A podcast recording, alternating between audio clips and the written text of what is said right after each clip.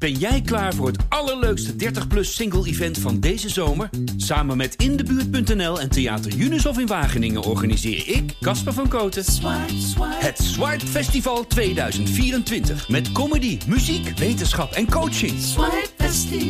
Maar vooral heel veel leuke mensen. Bestel nu je kaart op swipefestival.nl. Swipe, swipe. Koningsdag. Gaat weer niet door, hè? Vinden jullie dat uh, spijtig? Hoezo, het gaat niet door? Het, ja, je bedoelt dat de koning nergens is. Oh, jij gaat gewoon met 500 man in het Vondelpark staan hossen. Nee, nee. En wat ik eigenlijk altijd doe, is gewoon s ochtends om uh, ergens tussen 9 en 10 ga ik de deur uit. En dan loop ik gewoon naar ergens waar een hele hoop kraampjes zijn. Dan schenk ik mezelf een gigantische bel gin en tonic in. En dan dwaal ik gewoon uh, rond tot ik ergens eind van de middag niet meer weet waar ik ben. En dan ga ik naar huis. Ik heb altijd gemixte gevoelens bij, bij het feest, omdat ik het eigenlijk heel stom vind. En het liefst thuis blijf. Maar als ik thuis blijf, heb ik toch een soort van. Waarom, waarom vind je het stom? Je bent toch geen republikein? ik was dan, toen het nog kon in, in 2019, op de, op de kermis, even s ochtends. Want dat moet, want ik heb een kind.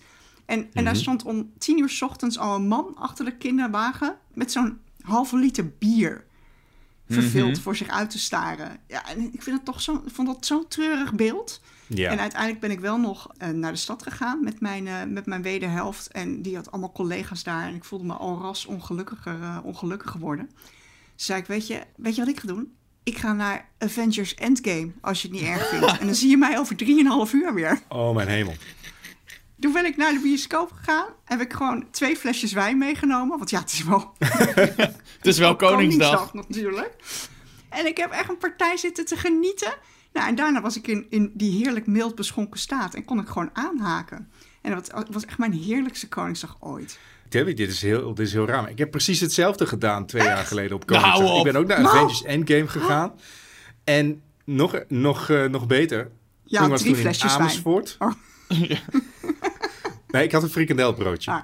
Oh. Ook lekker. Nee, maar de, de koning hield toevallig vlak bij de bioscoop op het plein... hield hij een toespraak voor uh, de bevolking. En ik stond daar met mijn frikandelbroodje. En ik dacht echt van... ik heb echt een zoveel betere dag dan hij vandaag. dus toen ben ik mid toespraak ben ik naar binnen gegaan. Topfilm gehad. S'avonds zag ik dat hij op een bootje was gestapt na die speech... en helemaal nat geregend was. En zei... Yep, ik heb echt een betere dag dan hem gehad. Wauw. Wauw. Wat een connectie ineens, Peter. Ja. Heel mooi dit. Ja. Debbie, denk je dat wij een alcoholprobleem hebben? Ja, sowieso.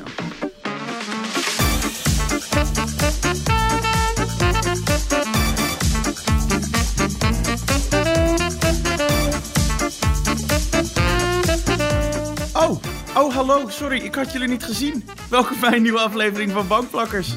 De podcast over alles wat er te zien is vanaf jouw bank op alle streamingdiensten. Mijn naam is Steven Kok en uh, als mijn leven verfilmd wordt, dan wil ik graag gespeeld worden door uh, Christopher Hivju. En dat is die uh, roodbaardige man die Tormund speelt in Game of ah, Thrones. Ah, dat ik ook een rode baard heb. En tevens omdat mijn vriendin een beetje verliefd op hem is. Maar bij nader inzien wist ik niet zeker of dat nou een voordeel was... of dat het een soort verknipt nadeel is. Ik weet niet, daar ben ik nog niet helemaal over uit. Hmm. Hoi, ik ben Peter Koelewijn en de acteur die mij moet gaan spelen in mijn biopic is uh, natuurlijk Vin Diesel. Want hij is kaal, heeft een hele donkere stem. En we hebben ongeveer dezelfde lichaamsbouw. Ik uh, ben Debbie Noble en Cameron Diaz moet mij uiteraard gaan spelen. Uh, niet omdat we nou zo bar veel uiterlijke gelijkenissen hebben. Maar zij is ook behept met zelfspot, dat vind ik prettig. En vooral is al sinds 2014 met acteerpensioen. En dat vind ik zonde, dus ik wil eigenlijk wel terug. En dan desnoods maar als mijzelf. Ja, slim. Bring back Cameron Diaz. Ik, was, ik was zo verliefd op haar vroeger. Haar en uh, Sarah Chalk. Dus kennelijk uh, uh, blonde vrouwen met grote monden en piekhaar. Dat is kennelijk iets wat ik... Dat is een ding. ja. Hé hey, jongens, eindelijk weer dus een normale aflevering. Geen uh, Debbie uh, die haar macht misbruikt. Finger geen ruzie quotes. over sit ja. Geen ruzie over sitcoms, maar gewoon de laatste releases en uh, flauwe grappen van Peter dus waarschijnlijk. En ik die Debbie verslaat in de geluidskluis. Hm. Ik hoor hier zoveel foute dingen. Ja. Nee, nee, nee. Ja, jongens, als, jullie, als jullie willen dat dit soort intro's anders gaan, dan moeten jullie de host zijn. Hè? Dat mag ook best een keer. Vind ik helemaal niet erg hoor. Ik vind het ook helemaal niet passief-agressief hoe je dat zegt. In Bankplakkers bespreken we elke week wat er uitkomt op uh, alle streamingdiensten. Zodat als jij uh, thuis op de bank zit, je precies weet uh, wat je wil kijken. En deze aflevering hebben we weer een paar toffe dingen gekeken. En ook misschien denk ik één niet zo tof ding. Nou, we komen er zo bij. Peter, wat heb jij deze week gekeken? Ik ben op monsters gaan jagen met de Netflix film Love and Monsters. Debbie? Ik heb Resident Alien gekeken op uh, Ziggo. Serie. Resident Alien, de serie. En ik heb weer een, uh, een true crime docu gekeken. De zoveelste in het uh, rijtje van Netflix. En deze keer Why Did You Kill Me? Een docu die op het eerste gezicht over MySpace lijkt te gaan. Vraagteken. Wat is MySpace? Ja, dat, ik, dat ga ik zo meteen nog even uitleggen voor onze ja, jongeren. Een soort hives. Ja, ja. De, daarnaast gaat de geluidskruis uh, weer open deze week. We hebben het over. Uh, en we hebben het in de bankzaken over films en series die al heel lang op onze kijklijst staan. En waar we maar niet aan toekomen. Te verstoffen. Die, uh, dat hebben we natuurlijk ook even aan onze luisteraars uitgevraagd. Dus ik ben heel benieuwd wat daar allemaal uitkomt. Of dat weet ik eigenlijk al. Ik ben helemaal niet benieuwd naar. Ik heb dat gewoon voorbereid. Het staat gewoon hier op een papiertje. Wat klets ik nou? Maar zoals elke week als eerste, Debbie, wat is het nieuws? Het nieuws. Uh, het nieuws. Het nieuws. twee grote uh, namen die gaan waarschijnlijk uh, toetreden tot Marvel's superhelden-universum. En dan gaat het om Olivia Colman, die we natuurlijk kennen uit The Crown. Nice. En over Amelia Clark, die we natuurlijk kennen als drakenkoningin uit Game of Thrones. Dus dat zou, nice. nou, dat lijkt mij een waardevolle aanvulling. Het is nog niet zeker. We zijn allebei volgens mij in, de laatste stadium, in het laatste stadium van onderhandeling. Wat volgens mij gewoon betekent dat hun managers dan kunnen zeggen: Kijk eens hoe enthousiast de reacties zijn. We willen een miljoen meer. het zou dan gaan om Secret Invasion. Waar, uh, waarin Samuel L. Jackson's uh, personage Nick Fury uh, centraal staat. Dat is dus een serie. En die serie is weer een spin-off van de Captain Marvel film. Juist. Juist. Oké. Gevoelens hierover? Ja, ik ben fan van hen alle twee. Ja. dus kom maar. Het is heel zuur voor Emilia Clarke hoe Game of Thrones is geëindigd. Maar dat lag niet aan haar. Nee. Ik ben wel benieuwd van hoe, hoe de serie, ja, hoe, hoe ze dat precies in gaan stoppen. Want het laatste wat ik weet is dat Nick Fury, Samuel L. Jackson's personage, in de ruimte was. Dus gaan ze aliens spelen? Gaan ze robots spelen of zo? Of het, mensen? Het schijnt weer over die aliens uh, te gaan. Hoe heet die ook weer? Kronks? De Krull. De Krull. De Skrull. Krull, ja. Maar, Skrull. De Squirrels. De Squirrels, ja. Uh, ik zag trouwens over Emilia Clarke gesproken. Ik zag uh, laatst voor het eerst dat, dat filmpje. waarin zij op de rode loper. nog in het filmproces van game, het laatste seizoen Game of Thrones. gevraagd oh, wordt: ja. van. hey, wat vind, je, uh, hè, wat vind je van het seizoen? Hoe gaat het? wat zijn je eerste indrukken? En dat ze zegt: best season ever. en dat, dat je zo ziet dat ze helemaal kapot gaat. En oh, ik zag dat, maar ik, ja, ik heb dat laatst pas voor het eerst gezien. Toen dacht ik: oh joi dat was zo indicatief van hoe, van hoe daarna de hele wereld erover ging denken. Echt. Ja. Drama. Hey, en ik wil nog e-, een heel ander kort dingetje even aanstippen. Dat is namelijk de tip die uh, de tv-koning uh, ons vorige week nog kwam brengen. Namelijk chocolade. Mm -hmm. De show waarin BN'ers een hap moeten nemen uit een voorwerp wat al dan niet van chocolade is. Hij komt, hij komt deze aflevering komt hij niet, hè jongens? Nee, Niemand heeft hem uitgenodigd. Dat, dat hadden we hier, dat hadden we hierna dus besloten. Omdat we hebben hem toch een ander tijdstip gegeven. Ja, oké. ja, heel goed. Ja, oké. check. Want dit, uh, dit programma is niet, uh, is niet goed uh, ontvangen.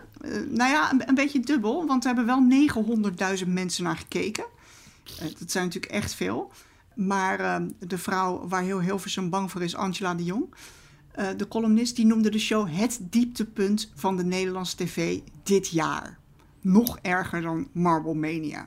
En het is pas april. Het is april, ja, precies. Ja, ja, ik wilde dit toch even aanstippen. Dat het misschien beter is dat we de tv-koning inderdaad uh, niet dat uitnodigen, het... deze aflevering. Ja, toch, ik, ik snap het niet, weet je. Er zit chocola in. Hoe kun je nou iets met chocola haten? Dat is alsof je het leven haat. Zo, we, we beginnen wel lekker uh, cynisch. Ik had ook al, hè, ik begon ook al een beetje vervelend tegen jullie. Nu zijn we, nou ja, misschien is het ook wel eens een keer lekker. Nou, Wordt een denk, leuke podcast. Ik denk dat Debbie zich ook wel goed thuis voelt uh, dan deze aflevering. ik heb iets leuks gekeken, hè? dus ik ben in een heel milde stemming juist. Oh ja, dat is ook zo. Maar uh, we, beginnen, we beginnen gewoon bij Peter. Peter, uh, hoe was Love and Monsters? Ja, ik zal eerlijk zijn. Het, toen, uh, toen we besloten dat ik deze ging kijken, het, het, voelde een beetje als een moedje dat ik hem moest oppakken, omdat hij op Netflix zo hoog scoorde. Wacht even, toen we dat besloten... Dit heb jij zelf besloten. Jij zei, ik ga Love and Monsters kijken. nou, ik geloof dat Debbie uh, hem eerst afsloeg en dat Steven hem toen afsloeg. En toen zei ik, iemand moet hem kijken. Ja, ik, je hebt de trailer nog gezien, Steven, maar ik, alleen de trailer helemaal stom. ja. Oh, we zijn zo lekker onder, onderlegd hier in deze podcast. Ik ben hem er ook gewoon een paar keer langs gescrolld vorige week. Uh, toen ik een paar seconden van de trailer zag. En ik dacht ook van, paas. Dus ja, ik ging met frisse tegenzin uh, Love and Monsters in. Maar het was een aangename verrassing. Ik vond hem echt heel erg goed. Niet een, een briljante film of een meesterwerk of zo. Of ook maar vernieuwend. Maar het, het, is gewoon een simpel verhaal dat uitstekend verteld wordt en ook uitstekend gefilmd is. Dus uh, een dikke aanrader. En waar, waar gaat het over? Het is een post-apocalyptische film, Love and Monsters, maar wel uh, een familievriendelijke versie ervan. Je ziet uh, amper bloed erin bijvoorbeeld. Het verhaal gaat, of het verhaal begint bij een asteroïde die uh, de aarde op dreigt op te blazen. Ah, ja, dat weer. Ja, zo'n zo'n soort film. Dus de mensheid hm. doet wat het het beste kan. Ze vuren al hun kernraketten erop af. Dat lukt. alleen één dingetje zagen ze niet aankomen. De straling uit de asteroïde regent neer op de aarde en muteert allerlei dieren en insecten. Daardoor wordt de gehele mensheid uitgevaagd door enorme mieren, kikkers en duizendpoten. Soms zelfs zo groot als een wolkenkrabber. Cool. Uh, maar die zien er goed uit, hè, Peter? Want ik heb, inmiddels ben ik dus al omgeslagen doordat ik erover gelezen heb. En de CGI is, uh, ziet er gewoon goed uit, toch? Ik zag iets met een hele grote krab. Hij is zelfs genomineerd voor een Oscar voor beste special effects. En ik begrijp het heel goed. Ja. Uh, ondanks dat de film dus ja, eigenlijk voor alle leeftijden wel geschikt is, hebben ze zich totaal niet ingehouden met de monsterdesigns. Die zien er echt gruwelijk goed uit. En ook echt horrorachtig. Sterker nog, er zijn een paar scènes waarin ze praktische effecten gebruiken voor de monsters. Dus ik kreeg af en toe zelfs flashbacks naar David Cronenberg's The Fly. En dat is een, uh, ja, een van de beste complimenten die ik, monster, die ik een monsterfilm kan geven. Nu, nu, spring ik ook wel aan. Dit had je niet moeten zeggen, want nu moet ik dit ook kijken. Maar Peter, is het echt een familiefilm? Want ik wilde hem dus ook gaan kijken. En ik dacht, nou, dat is dan wel leuk om met het kind te kijken. Die is negen. En toen ging ik googlen, maar dan kom ik op van die strenge parental guidance sites uit. En er stond, in de eerste scène zit een sekskreun-scène met een silhouet. Belachelijk voor een familiefilm. Nu, nu maak ik me daar niet zo zorgen om, maar... Uh... Ja, ja het, het, het uh, doet een knappe koorddans-act ertussenin. Ik bedoel, er zijn natuurlijk monsters die verslagen worden en zo. Maar je hebt niet dat er mensen verminkt worden of iets dergelijks. En het, uh, de sfeer van de film is ook altijd wel upbeat en vrij vrolijk. Ook al is het soms, probeert hij soms heel erg eng te zijn. Ook al gaan we er allemaal aan. Ja, zeker. Het, het deed me ook wel een beetje denken aan uh, James Gunn, uh, zijn films. Guardians of the Galaxy en Super. Super is dan weer wat uh, gewelddadiger, moet ik eerlijk toegeven. Maar die vibe die hij in zijn film stopt, die is heel knap. Hij is aan de ene kant heel lollig, maar aan de andere kant durft hij ook tedere momentjes erin te stoppen. En die zijn gek genoeg werkt dat. En dat werkt ook goed in Love and Monsters. Wat ik in, welke indruk ik van de trailer nogal kreeg, is dat het heel erg ook dat young adult sfeertje heeft. En daar ben ik op zich niet zo op tegen. Maar ik kreeg er af en toe bijna een soort van high school musical gevoel van, zeg maar. dat het soort van heel, hè, alles een beetje geairbrushed en alles soort van heel glad gemaakt. En alle randjes eraf of zo. En dan opeens een groot monster. Maar ik raakte daar nog niet helemaal overtuigd. Maar dat stoort niet? Ik moet die trailer nog een keer afkijken. Want ik denk dat hij dan een heel verkeerd beeld geeft van de film. Wat, wat denk ik, wat ze heel slim doen, is dat de film weet heel goed wat de clichés van post-apocalyptische films zijn. En hij danst daar heel knap langs heen. Dus er zijn genoeg verrassende momenten en uh, originele scènes dat, je, ja, dat ik toch me constant geëntertained voelde. Maar je hebt bijvoorbeeld wel een hond waarmee hij bevriend raakt. Je hebt een veteraan, uh, gespeeld door Michael Rocker die voor, op een klein kind moet passen. Weet je. Dat zijn wel een beetje de clichés, maar ze weten er toch een originele draai aan te geven. Nou, je hebt, uh, ja, nou, ik ben op zich al aan boord ik ga, nu. Ik ga kijken hoor, ik heb er wel zin in. Ja, ik ook. Ja. ja. Een mooie wow. aanrader voor, uh, Goed gedaan, Peter. voor het Netflix filmaanbod. 10-10. Uh, ja. Two out of two overtuigd. Dankjewel dat jullie hem afsloegen. Lekker. Zal ik, uh, zal ik hem dan gewoon overpakken? Ehm, ik heb Why Did You Kill Me gekeken. De zoveelste true crime docu van uh, Netflix. Dus in het straatje, The Night Stalker en uh, Murder Among the Mormons is er nu weer een volgende. Dit, dit keer gewoon een film dus, een, geen miniserie. En het wordt voor een heel groot deel opgehangen aan het social medium... Wat uh, begin jaren 2000 erg populair was, MySpace. Mocht je nou wat te jong zijn om, om dat te hebben meegemaakt... MySpace was een website waarop mensen zoals ik vroeger de liedjes van hun, hun bandjes zetten... en waar ze pretentieuze teksten over zichzelf in het Engels op, opschreven. En waar ze hun best deden om zo cool mogelijk over te komen... om emo-meisjes met roze piekhaar te versieren. En ja, het was dus inderdaad een soort hives. Maar dan, uh, ja, muziek was er een groot deel van. En het was heel erg soort van, van je imago. Ja, ik weet niet. ik, ik zat er een hoop op, dat, dat wel. Dacht je toen ook echt zo van, wauw, dit MySpace, dit gaat echt gigantisch worden. Dit blijft over 30 jaar nog steeds bestaan. Ga even naar dat je de baard in je keel had, hoor. uh, ja, nee, nee, ik, denk het, ik, ik weet niet. Ik was gewoon vooral bezig met mezelf zo cool mogelijk voordoen. En uh, nou, dan gaan we, nu gaan we snel door. En um, Why Did You Kill Me is dus een, een docufilm van nog geen 90 minuten over de moord op uh, Crystal Theobald in 2006. Eh, en die wordt dus om onduidelijke redenen neergeschoten in haar auto, in haar eigen buurt. Dus best wel, best wel tragisch verhaal.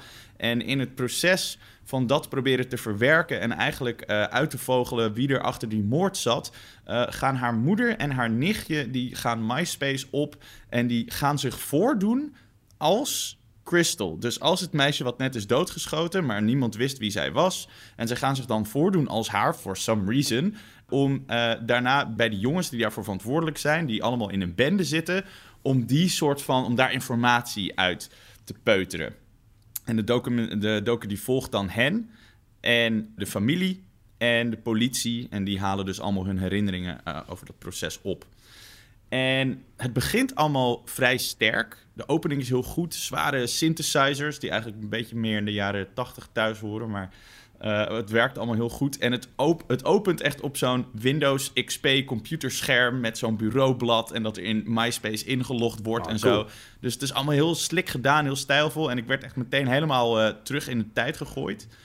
En wat ik ook cool vond, is dat uh, in plaats van uh, recreaties en soort van acteurs die dingen naspelen en zo, doen ze het allemaal met een maquette. Dus ze hebben een grote maquette van, de, van dat stratenblok waar iets is gebeurd. En dan gebruiken ze daar autootjes voor die ze neerzetten en dan zo herschuiven. Nou, dat is op zich best wel, uh, best wel tof gedaan. Maar verder was die afschuwelijk, toch? Nou, om maar, gewoon even. ja, om, om het maar eh, af te maken. Ik wilde inderdaad. Ik vond deze dingen echt goed gedaan. Maar het wordt wel echt heel snel duidelijk dat er niet genoeg inhoud in deze moordzaak zit. om een hele documentaire over te maken. Je ziet dat Netflix zo hard aan het gaan is op die true crime docus. dat ze eigenlijk niet meer helemaal die kwaliteit altijd aan het waarborgen zijn. En dat merkte ik in Murder Among the Mormons al een beetje. Maar hier begint het echt wel best wel duidelijk te worden. En de case zelf, hoe verknipt het eigenlijk ook is om dat te zeggen, is niet zo interessant. Het is niet een heel groot of bijzonder verhaal. Het is eigenlijk een vrij simpel verhaal over, over bendegeweld. En, over, en hoe tragisch dat ook is, is het niet genoeg om hmm. uh, zo'n hele soort van gemonteerde en sensationele docu hoog te houden. En dat MySpace-lijntje, wat, wat ze helemaal uh, als vormgeving gebruiken en als titel en alles, dat is eigenlijk ook heel dun. Dus ze hebben de, de docu opgehangen aan het feit dat die tante en dat nichtje dus op MySpace gaan. En het wordt heel spannend aangekleed. Maar eigenlijk, zeker in het begin, zit je gewoon naar twee vrouwen te kijken... die een beetje op social media aan het rondzoeken zijn... of ze iemand, iets over iemand kunnen vinden. Dus het is allemaal heel erg gesensationaliseerd. En om dat te verhullen springt die docu een beetje van persoon naar persoon en van invalshoek naar invalshoek om het maar, hè, om het maar genoeg vlees aan de botten te geven om je mee te krijgen. Maar helemaal aan het einde van de rit werken ze niks echt lekker uit. En voel je gewoon dat er te weinig gaande was eigenlijk om deze film te maken. En richting het einde proberen ze dan ook nog iets fundamenteels te zeggen of iets heel moois te zeggen. Ze hebben dan allemaal onderwerpen. Dus het gaat over: hè, is de doodstraf wel of niet terecht? Uh, is de invloed van drugs in arme wijken? Wat voor rol speelt dat? Bendes en hoe die opgroeien. Het verschil tussen wraak en gerechtigheid. Het zijn allemaal concepten die ze allemaal 30 seconden even laten vallen. Maar ze durven niks echt uit te werken.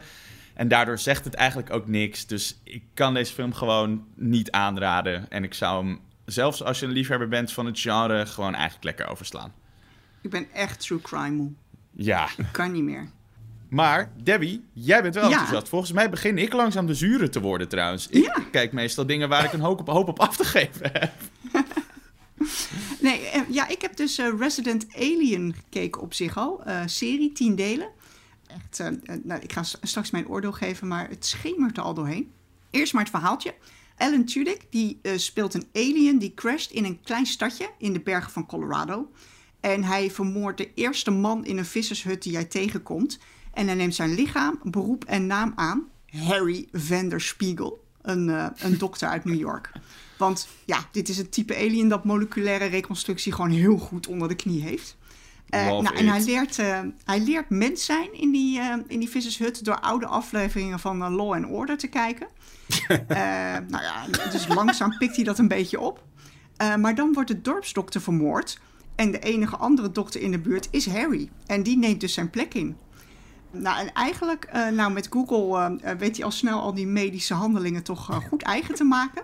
En eigenlijk wordt hij al vrij snel met al zijn eigenaardigheden volledig opgenomen in die dorpsgemeenschap. Hij helpt zelfs met het oplossen van, van de moord op die eigenlijke dorpsdokter. en dit klinkt natuurlijk allemaal lieflijk en super sympathiek. Maar Harry, de alien, die heeft een missie. En dat is de totaalvernietiging van de mens. Ja, ja dat krijg je dan. ik, ja. ik vind het nu al geweldig. Ja, hij heeft dus alleen twee problemen. Uh, zijn ruimteschip waarop het device zit dat hij nodig heeft om, uh, om iedereen te vernietigen. Ja, dat ligt meters onder de sneeuw. Dat, uh, nee. dat is in die crash is dat verloren Haat het wanneer dat gebeurt. Ja, dat is zo en dan, en dan is er ook nog een vervelend negenjarig jongetje die door zijn menselijke vermomming heen kan kijken. Dus die hem gewoon ziet als die alien. Oh, nou, is, daar, is, daar, is daar nog een reden voor? Of heeft, is dat jongetje ja, gewoon... hij heeft een, uh, waarschijnlijk gewoon een genmutatie waardoor hij dat ziet. En dat, de, de alien schat in dat dat 1 op de 7 miljoen uh, mensen voorkomt. En dat dat al precies in dat dorpje is. En daar wint hij dan Niet zich dan ook heel erg over op. Het, het klinkt zeg maar... Jij beschrijft het heel leuk, maar ik kan me ook super goed voorstellen dat iemand dit hoort die denkt... Want het heeft ook de mogelijkheid om echt verschrikkelijk flauw te worden. Ja, nee, dit is dus echt heel erg grappig. Want het klinkt alsof het allemaal heel erg dik bovenop ligt. Uh, maar dat is niet zo. In het stadje hangt een soort Fargo-achtige bevroren smeer, uh, sfeer met sneeuw en zo. Mooi. Uh, en dat werkt heel goed. En die, die hoofdrolspeler, die Alan Tudyk, die, die speelt dat ongemak van, zo'n, van iemand die in een lichaam zit wat niet helemaal past. Dat speelt hij gewoon echt heel goed. En hij ziet er zelf ook een beetje alienesk mm-hmm. uit ik vind het heel erg goed gedaan en het is heel erg leuk. Hij is, ook, hij is niet een heel bekende acteur trouwens. Zijn grootste rol was die uh, uh, dunne zwarte robot uit uh, Star Wars Rogue One. Ja, maar hij heeft, hij heeft dus wel heel veel stemacteurklussen gedaan. Ja. Zal ik eens even een lijstje ja. erbij halen, kijken we, welke we allemaal herkennen? Ja, echt heel veel. Hij heeft heel veel, vooral robots en humanoids, androids-achtige dingen gedaan. En ik denk dat hij daarom echt buitengewoon geschikt is voor deze rol. Oké, hij is ook uh, Sonny in iRobot. Dus die robot is hij ook. Ja. Ik weet ook dat hij, hij is ook wel een beetje de koning van de bijrolletjes. En ik vind hem altijd... Of ik vind hem 99 van de 100 keer fantastisch. Ik weet ook, en ik ben de titel van de film even vergeten... maar er is een film over een begrafenis... en dan neemt hij per ongeluk LSD op die begrafenis. En hoe hij dat speelt is ook fantastisch. Uh, hij is ook de stem van Jago in de Aladdin remake... Nou ja, oké. laat ik zeggen. Even gewoon een paar namen. Harley Quinn, Rick and Morty, Curb Your Enthusiasm, Frozen 2, Doom Patrol, Santa, Cl uh, Santa Clarita Diet, Arrested Development. Nou, het gaat maar door. Deze gast heeft een enorme lijst. Maar ik ben ook heel, eh, heel erg fan van hem. Maar natuurlijk vooral door Firefly. Uh, nou, ga dit allemaal kijken. Het is echt een ideaal stukje escapisme. Tien afleveringen en het, een tweede seizoen uh, komt er ongetwijfeld aan. Waarop is het te zien ook alweer? Ziggo. Ziggo. Vinden jullie over het algemeen dat, uh, dat comedy en uh, sci-fi een goede, een goede match-up zijn? Mm, nou, zeker niet altijd. Nee, ik, ik eigenlijk meestal niet. Ik heb er wel een, een, een zwak voor. Ik kan me eventjes zo 1, 2, 3 niet een uh, slechte sci-fi comedy voorstellen. Tenzij misschien uh, de laatste Man in Black films. Ja, wou ik zeggen, Men in Black, uh, de, de, de, eerste Steven. Kon, kon die ja, nee vind, ik eigenlijk, nee, vind ik eigenlijk ook leuk. Misschien, misschien vind ik het eigenlijk wel een goede matchup meestal. ik zit ook te denken dat ik eigenlijk dingen als Rick and Morty en uh, Galaxy Quest en zo ook allemaal te gek vind. Oké, ik kom erop terug. Ik vind het echt een leuke matchup. Heel goed. Ik ben blij dat je je mening kan herzien. Ja, dat is, uh, daar, ben ik, daar ben ik zeker niet te groot voor. Ja. Dan zijn er nog een paar kleine dingen waar ik even nog doorheen wil gaan. Wat er de komende dagen uitkomt. Het is, uh, we zijn dun bezaaid weer, uh, jongens. We gaan natuurlijk weer een beetje hmm. richting uh, het einde van de maand. Dus dan droogt het altijd een beetje op. Helemaal aan het einde van de maand en begin mei komen er weer een paar toffe dingen uit. Maar nu is het karig. op Netflix zijn er twee die ik even wilde benoemen, die allebei op 22 april uitkomen. Daarvan is eentje Life in Color with David Attenborough. Attenborough? Attenborough? Attenborough. Attenborough. Bra. Attenborough. Attenborough. Nou ja, wederom een uh, prachtige BBC uh, eh, natuurdocumentaire serie. Deze keer over het gebruik van kleur in het dierenrijk. En uh, daarvoor zijn allemaal nieuwe camera's ontwikkeld enzovoort. dat benoemt Attenborough ook in de trailer noemt hij dat ook. With the, with the new cameras we developed for bla bla bla. dus BBC wil erg graag weten dat er weer uh, gigantische bedragen zijn uitgetrokken om uh, dit te maken. Ik moet zeggen dat ik het overzicht soms een beetje aan het kwijtraken ben van alle BBC natuurdocu's en zo.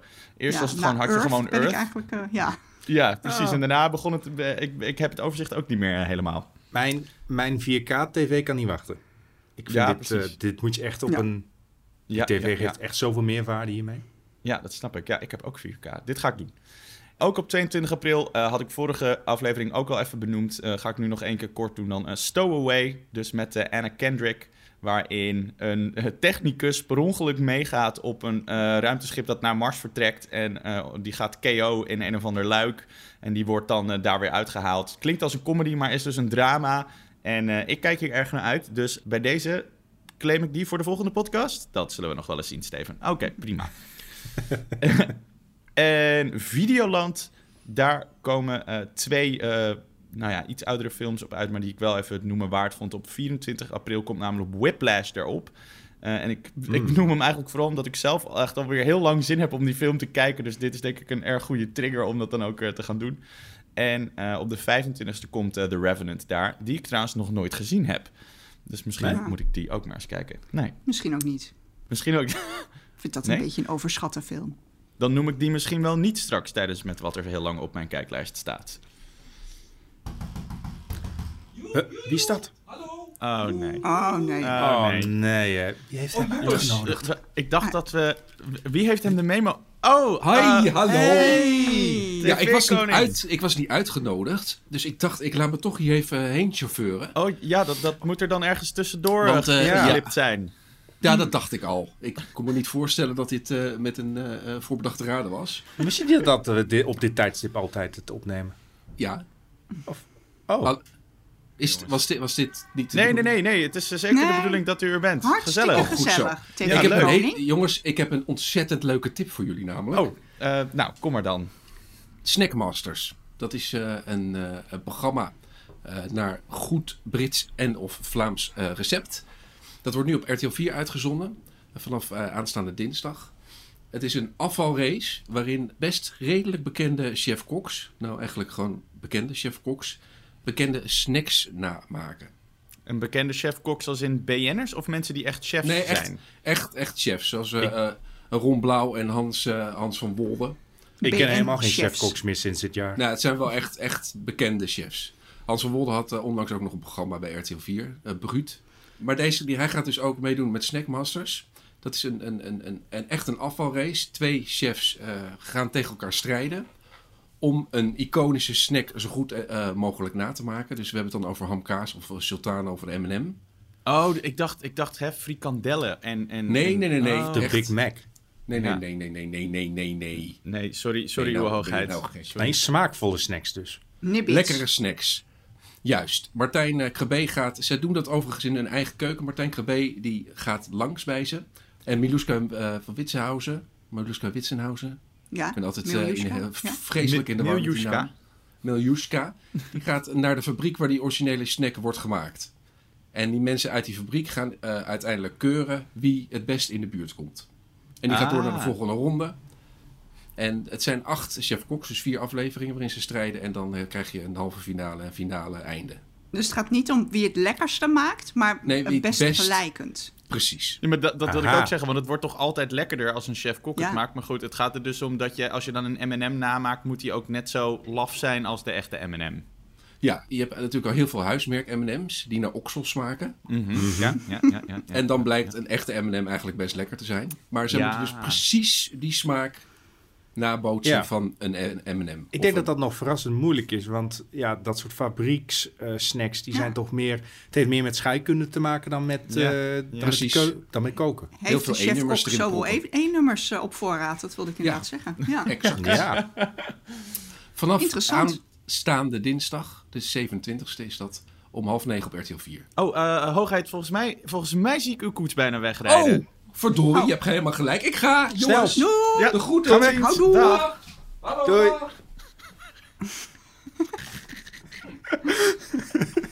Peter. Uh, nu, uh, nu ons bezoek eindelijk vertrokken is, kunnen we naar het hoogtepunt van de aflevering. Ik zal mijn kluisje weer even pakken. Mm -hmm, mm Hier gaat de deur open.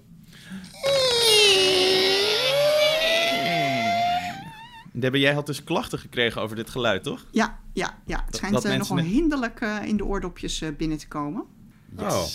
Ja. Nee, Moet ik dan een drupje olie op de deur Ja, ik denk, er moet altijd iets zijn om te haten. Ja, klopt. Nou ja, als dit het is... Dan zijn we voor de rest wel erg leuk. Dan, zijn we, dan maken we wel echt een hele moddervette podcast. Ja, ja. Maar laten we beginnen, want ik wil dat het segment weer over is. Het kan nog alle kanten op. Oké, ik laat u een iconisch filmgeluid horen. En ik ben weer benieuwd of hij goed geraden gaat worden. Wat is de score nu eigenlijk? Waar, staan we? We staan op uh, 7-3 voor jou. Oké, oké. Dat laatste wilde je horen, denk ik? Ja, dat vind ik wel even leuk. Ja. Nou, maak je maar klaar voor de gelijkmaker. Ik weet niet eens wel hoe dat werkt. Hier komt het geluid. Nog een keer. Yes. Hier komt hij nog een keer. Shit, volgens mij weet ik dit. Het, het doet me denken aan... Het is in ieder geval iets sci-fi'ers, toch? Ik begin nu alweer met mijn ogen te draaien. Zou kunnen. Peter heeft duidelijk weer, weer geen rekening meer gehouden met mijn gevoelens. ik, ik hou rekening met niemand. Dat is mijn levensmotto. Ik, ik voel sci-fi dingen. Ik heb ook het gevoel dat ergens een soort Klinkt laser... als een TARDIS. Die hebben we al gehad. TARDIS hebben we al gehad. Ja. ja. Zo vreed ben ik nou ook weer niet. Oh. Nee, een soort, ik, ik, zie een soort hele grote laserstraal ergens uitschieten in mijn hoofd. Hmm, interesting. Zal ik jullie uit, je lijden, uit jullie lijden verlossen? Kom maar door met de keuzes. Ja, het is sowieso iets sci-fi. Oké, ja, kom maar. Ik heb vier keuzes. Het is of keuze A, de vlammenwerper gitaar uit Mad Max Fury Road. Vet. Het zou ook B kunnen zijn. Een exploderende light cycle in Tron Legacy. Maar het zou ook zomaar hmm. keuze C kunnen zijn. Een exploderende bom van Django Fett in Star Wars Attack of the Clones. Of het is uh, toch keuze D. Tom de kat die zijn hoofd keihard tegen een aanbeeld stoot. dat ik gewoon geen audiogeheugen heb. Ik, ik wel. Het is geheugen en heel goed. Uh, maar ik heb, mijn auditief geheugen is gewoon niet goed ontwikkeld. Ja, ik, ik denk dat ik wel weet welke het is. Of ik weet het eigenlijk vrij zeker. ik denk dat het C is. Het is uh, de bom uh, van Django Fett. Ik zeg dit ook, want dan loop ik geen verdere achterstand op. Ja, dit is wel slim. Even een dit tactische zet. Dit, ja, dit is hoe het werkt. dit is hoe het werkt. Als we het nu allebei fout hebben, hè? Dan, uh, dan pas ik mijn tactiek volgende week weer aan. dan mag ik jullie eventjes een minuut lang uitlachen. Ja. Oké, hou je vast. Oké, okay, want vast. het antwoord is goed. Ja, ja, ja, ja, ja, ja, ja, ja. ja exploderende bom van... Uh, nee, sterker nog, het is officieel een seismic charge die Django Fett tegen Obi-Wan Kenobi gebruikt in de Geonosis Asteroid Belt. Ja, als ze achter elkaar aanvliegen in die ruimteschepen. Ja, ja. ik weet niet waarom, maar deze zit heel goed in mijn hoofd, omdat ik het zo'n super kenmerkend geluid vond, omdat er echt zo'n trilling in zit. Een soort van vibrerend geluid of zo. Ik vond het ook heel goed passen bij, die, bij het soort bom op een of andere manier. Nou goed, nerd mode. het geluid heeft inderdaad een fanbase, uh, heb ik ontdekt tijdens mijn onderzoek. En Mandalorian-kijkers die kunnen het ook herkennen. Want in seizoen 2 gebruikte Mandalorian dezelfde bommen in een uh, gevecht tegen ruimteschepen van de Empire. Dus een leuk right. knipoogje naar de films. Wacht, maar hoe... een fanbase voor dit geluid, betekent dat dat er Facebookgroepen zijn van mensen die gewoon helemaal wild gaan op dit geluid? Ja, audiofielen met uh, dikke bas, die uh, gaan hier heel erg goed op. Op uh, dit geluid. Laat het nog een keer horen. Ja, nog één keer. Ja, ik word er ook wel warm van. Kunnen we volgende keer iets minder sci-fi's doen? Iets, een zweepje uit Fifty Shades of Grey. Een, een, een olifant. We hadden toch hiervoor letterlijk Indiana Jones? Ja. Nou, er zaten aliens pas in de vierde film. dus die geldt niet echt als sci-fi. Als niet sci-fi verder. Nee, laten we vooral de vierde film vergeten. Uh, de stand is inmiddels uh, eh, 8-4 dan. Het kan nog alle kanten op. Goed, slim gespeeld, uh, Debbie. Goed gedaan. Ja, hè? Ja. ja. dan verkneukel je gewoon te hard. En dat moet je gewoon ja. niet doen. Ja, daar haak ik aan. Dit is medium verkneukeling wat ik, wat ik nu heb. Omdat ik weet dat het niet alleen voor mij is. Ja. Bankzaken. De uh, bankzaak van deze week gaat over kijklijstjes. Schrijven jullie wat jullie allemaal nog willen kijken ergens op? Gebruiken jullie een appje? Hoe doen jullie dat? Ik sla het op bij de streamingdienst zelf nu. En ik kijk er echt bijna nooit naar, omdat, omdat er toch dingen op staan waar ik nooit zin in heb. Dus of het zijn Oscar-winnaars uit uh, eh, 1999 die ik ooit nog wil kijken, omdat dat goed is voor mijn ontwikkeling. Of het zijn series die iedereen goed vond en waar ik ooit 30 seconden van heb gezien en dacht: dit is niks voor mij, maar misschien moet ik het op een later moment proberen. Dat ah, zijn mijn twee belangrijkste kijklijstcategorieën. Ik, uh, ik gebruik echt nul lijstjes, maar ik ben, ik ben echt een snacker. Ik heb soms ook een avond dat ik uh, denk van... oké, ik ga vanavond een film kijken, maar ik weet nog niet welke. En dan, uppakee, ga ik gewoon op avontuur. Spontaan, Peter. Jeetje. Ja, al moet ik wel zeggen... mensen blijven zeuren dat ik de leftovers moet kijken ja, ben ik na seizoen 1 een beetje van afgehaakt. Dit is goed. Nu kan ik het nog een half jaar uitstellen. Ja, precies. ik heb het wel gekeken. Op een gegeven moment was ik heel erg fan. Vond ik het heel goed. Maar uiteindelijk heb ik het toch niet uitgekeken. Want toen had ik alles alweer gegoogeld. Wat overkomt me dus vaker. Wat, wat is dit voor terugkerend patroon? Ja, dit, dit wordt steeds erger, jongens. Ik, ik, denk dat we daar een keer een aflevering aan moeten wijden. En dat ik in therapie moet. Dit doet me denken namelijk aan, uh, aan uh, onze redacteur Robin, die dus inderdaad heel lekker gaat op spoilers. En die dus actief ook spoilers opzoekt voordat hij naar films gaat en zo. Dat, dat nou goed. ik heb ergens in een app een soort van verdwaalde uh, lijst staan met dingen die ik nog moet kijken. En ik heb dat ook. Ik kijk daar letterlijk nooit op ik heb altijd ook, misschien door, doordat we deze podcast doen, wel redelijk in mijn vizier wat ik nog wil kijken. Maar ik ben daarin ook best wel een beetje korte termijn denker of zo. En dan als ik dan, hè, als ik dan een avond weet, ik ga een film kijken, dan ga ik opeens nadenken van welke films wilde ik ook weer allemaal nog kijken. En dan haal ik af en toe het lijstje er wel bij, maar ook heel vaak gewoon niet. En dan ben ik ook wel een soort van Netflix-algoritme slaaf soms, denk ik. Nou, ik vind dat niet, niks om je voor te schamen. Soms, de, daar is het uh, algoritme voor, hè. Op dat jij maar lekker achterover kan leunen. Dat is ook zo, dat is ook zo. We hebben onze luisteraars gevraagd wat uh, er op hun kijklijst staat en wat de titels zijn die er het langst op staan en die ze, uh, die ze maar niet kijken. En er zijn eigenlijk een paar die ik even wilde uitlichten, omdat ik die wel, uh, wel interessant vond. Wat ik sowieso best wel zag, is dat het een soort van mix is tussen classics. Die, hè, volgens mij hebben we dat allemaal wel. Zo'n paar van die classics die gewoon een zwart gat zijn in je, in je, in je soort van opvoeding. Ik heb dat bijvoorbeeld met Scarface. Nooit gezien. Ik weet niet waarom. Hmm. En uh, daarnaast series waar al een hele hoop seizoenen van zijn. Daar hebben mensen toch ook niet, uh, niet heel veel zin in om daar nog aan te beginnen. En uh, ook wel dingen met een zwaarder thema. Die sneuvelen toch ook vaak wel een beetje ergens in die lijstjes. Op Instagram zegt Abracalabra door Thijs. Die zegt The Crown. Ja, daar kan ik er mij erg aan relateren. Jullie misschien ietsje, ietsje minder. Is het zeg maar, jullie zijn gigantisch fan, maar jullie begrijpen ergens ook wel dat het iets is waar ik tegenaan hik, toch? Ja, zeker. Het wordt ook, natuurlijk ook steeds meer seizoenen. En, ja. Uh, ja.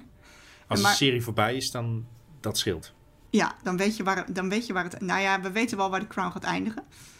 Maar je moet... Ja, het is een aantal seizoenen. Het zijn ook lange afleveringen. En het is met kostuums. En het is, uh, het is familiedrama. En daar moet, je, daar moet je gewoon aan toe zijn. Ik dacht, ik dacht dat, dus ook dat het niks voor mij zou zijn. Maar uiteindelijk vond, vind ik het dus echt prachtig. Ja, Het voelt, het voelt gewoon als iets groots en zwaars waar ik aan moet beginnen. Ja. Jessin Merzak die zegt uh, Birdman. Uh, oh, ja. Ja, dat is natuurlijk ook niet per se een super toegankelijke film. Wel echt een hele vette. En die ik eigenlijk altijd een beetje naast Whiplash zet op een of andere manier. Beetje hetzelfde sfeertje roept het bij me op. Uh, dus Jessin, als je luistert, zou ik hem zeker snel gaan luisteren. Richard Olthoff die zegt Gone with the Wind. En dan eigenlijk voornamelijk gewoon om hoe lang hij is. Ja, ja, dit is echt zo, volgens mij. Ik heb hem ook niet gezien. graag kwelt. mm Beetje sadomasochistische inslag. Hebben jullie hem gezien? Nee joh, ben je gek? Nee. Nee. Oh, nu ga ik hem denk ik nou, gewoon kijken om jullie te tarten. En dan kijk ik Lawrence of Arabia. ja, goed. Ja, ik bedoel, een oude film op zijn tijd is wel oké. Wacht even, ik wil nog even Gone with the Wind. Hoe lang duurt die film? Uh, drie uur en 58 minuten. Ja, allemachtig. Ja, dat mag alleen uh, Zack Snyder met, uh, met Justice League. Het is toch een beetje de gone, of, gone with the wind van zijn generatie. Ja, maar het oh, wow. Dit was mijn laatste aflevering van Bankplakkers. Ja, tot ziens. Het was leuk. Michael van Engelen die zegt Narcos. Wat ik ergens hmm. ook wel snap. En uh, Yardi die zegt The Social Dilemma. Ja. ja. Als je een samenvatting hmm. wil, Yardi, uh, social media is een kut. De hele wereld gaat naar de kloten. Iedereen is fucked. Dat is uh, de, de samenvatting. Snap ik ook. Hebben jullie die wel gezien? Ja, ik heb wel gezien. Maar op een gegeven moment had iedereen het over. En dan kan ik voorstellen dat, dat je hem dan op je lijst zet. Maar volgens mij kan die er nu wel vanaf hoor. Volgens mij zijn we er wel overheen. Ja, ja, ja, precies. Ik denk dan ben je de toch weer anderhalf uur van je leven terug. Ik, wist, ik wist al langer dat Mark Zuckerberg evil was. Ja. En uh, wat staat er bij jullie? Uh, wat staat er bij jullie het langst op jullie lijst waar jullie maar niet aan toe komen? Bij mij denk ik Casa de Papel. Omdat het wel ah. alles in zich heeft wat ik leuk zou moeten vinden. En, maar ik ben twee keer aan begonnen en ik kom daar niet in. En ik, hmm. nou, ik ga, hem er ook, ik, ga, ik ga het ook niet kijken. Heb ik inmiddels besloten. Hebben jullie het gezien? Seizoen 1 en de oh. helft van seizoen 2 geloof ik. En toen dacht ik, uh, ik vind het wel mooi. Seizoen 1 vond ik wel echt rete spannend. En Swedish ook wel cool. Maar het is typisch zo'n serie die begint met een heel vet idee. En wat daarna eigenlijk een beetje weg moet van dat idee, omdat dat niet houdbaar is. En ja, dat, dat, dat werkt niet super goed. Dat, dat werkt niet echt in het voordeel van die serie. Maar ik vond seizoen 1 echt vet. Ja. Nou, laat ik er nog even op, uh, op sudderen. Ja, het is, het is ook echt makkelijk weg te kijken. Je hoeft, je, zeg maar, Het is niet ingewikkeld of zo. Dus ik, ik denk echt wel dat, dat wel daar wel lekker Je moet wel naar het scherm blijven kijken. Omdat mijn Spaans is niet zo goed dat ik, dan, uh, uh, dat ik de ondertiteling er niet bij kan lezen. Kijk dus jij heel veel series waarbij je niet kijkt? Mm, ik zit natuurlijk de hele op mijn telefoon eindes te googlen. Dus daar ben ik gewoon heel druk mee. ja, snap ik. Ja. ja. Ik, heb, uh, ik heb dus niet echt een lijstje daarvoor. Maar een serie die ik nog altijd nog een keer wil kijken is uh, uh, The Sopranos. Snap ik. Ja. Ik zit namelijk momenteel in mijn, voor het eerst in het kijken van The Sopranos. Ik heb seizoen 1 net uit. En? Oké. Ja, het is, het is heel cool. het duurde echt wel een aflevering of 5, 6 voordat het me echt pakte of zo. Je moet er echt een beetje inrollen. Maar dan langzaam begint het wel echt, zeg maar, zo'n klauwen in je, in, je te krijgen. Het is natuurlijk een serie over, hè, over gangsters en uh, over de maffia. Maar eigenlijk is het veel meer ook een soort van character study of zo. En gaat het veel meer ook over mentale problemen van mensen en zo. En het feit dat het over gangsters gaat, is eigenlijk alleen maar een manier om, om die verhalen te vertellen. Maar ik vind, het, uh, ik vind het heel cool. Ik ga toevallig vanavond, heb ik weer een kijksessie met uh, de twee vrienden waarmee ik het kijk om uh, te beginnen aan seizoen 2. En we hebben dus ook een poeltje opgezet waarin we voorspellen wanneer er bepaalde mensen doodgaan en wanneer wie met wie seks heeft en zo. Het zal jullie niet oh. ontgaan zijn dat ik de moeder uit de Sopranos het verschrikkelijkste persoon ooit oh in een serie ever vind. Dus ik heb uh, gezegd dat zij aan het einde van seizoen 1 dood zou gaan, maar zij is nog steeds niet dood en daar baal ik enorm van. maar ook gewoon volledige vertrouwen dat, dat niemand even googelt in de tussentijd. Ja. Ja, ja. En uh, waarom begin er niet aan, uh, Peter? Ja, ik, ik, ben dus echt een beetje een snacker qua kijken. Als ik er, als ik er een keertje zin in heb, dan ga ik, er, dan ga ik het wel halen, ja. Ja, ik weet niet of dit een serie is waar je ooit echt, zeg maar, specifiek zin in krijgt of zo. Ik heb me ook gewoon... Wij, wij spreken nu echt af met z'n drieën om het te kijken, zodat we het kijken. Ja. Nou, Tony Soprano is wel echt een iconisch personage. Die, die heeft de tand des tijds nog steeds wel aardig doorstaan in de popculturele tijdsgeest Ja, hij doet het ook echt fantastisch. Het is echt, uh, echt een te gekke en, rol. En ik ben ertoe in staat om een oudere serie ook volledig te gaan kijken en daarvoor te gaan zitten. Want ik heb twee jaar geleden ben ik begonnen aan Twin Peaks. En ik heb gewoon echt die 90s seizoenen helemaal afgekeken voordat ik het derde seizoen ging kijken. Heerlijk. Ik heb ze destijds live gekeken toen ze waren. En daarna meteen, ongeveer meteen nog een keer, heb ik de VHS-banden gekocht.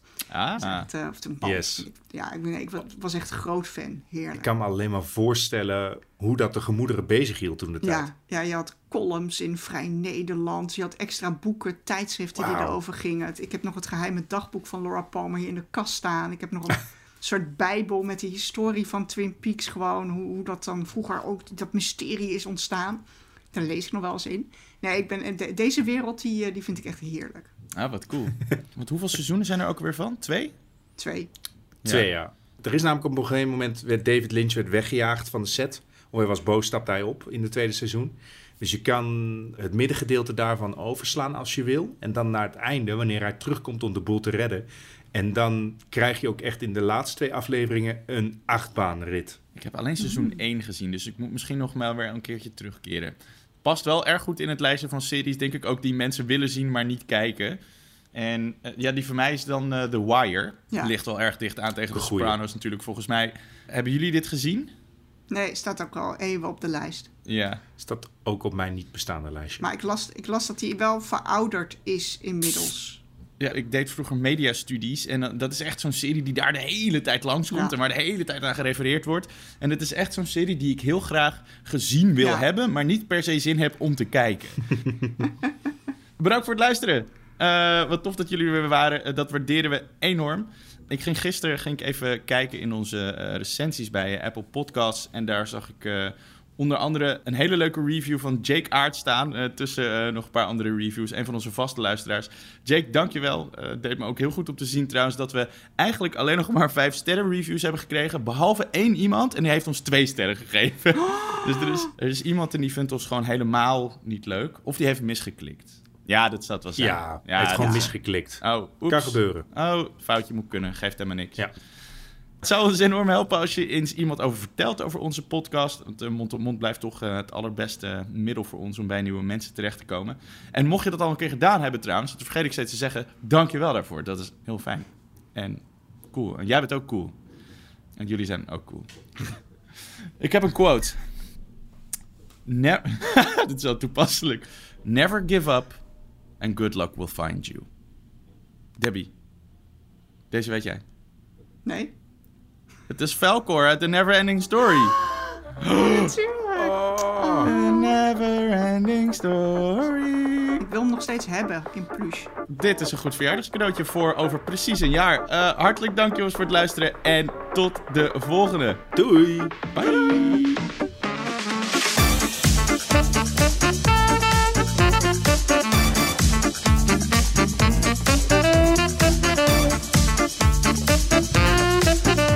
Bankplakkers is een originele podcast van Veronica Superguide.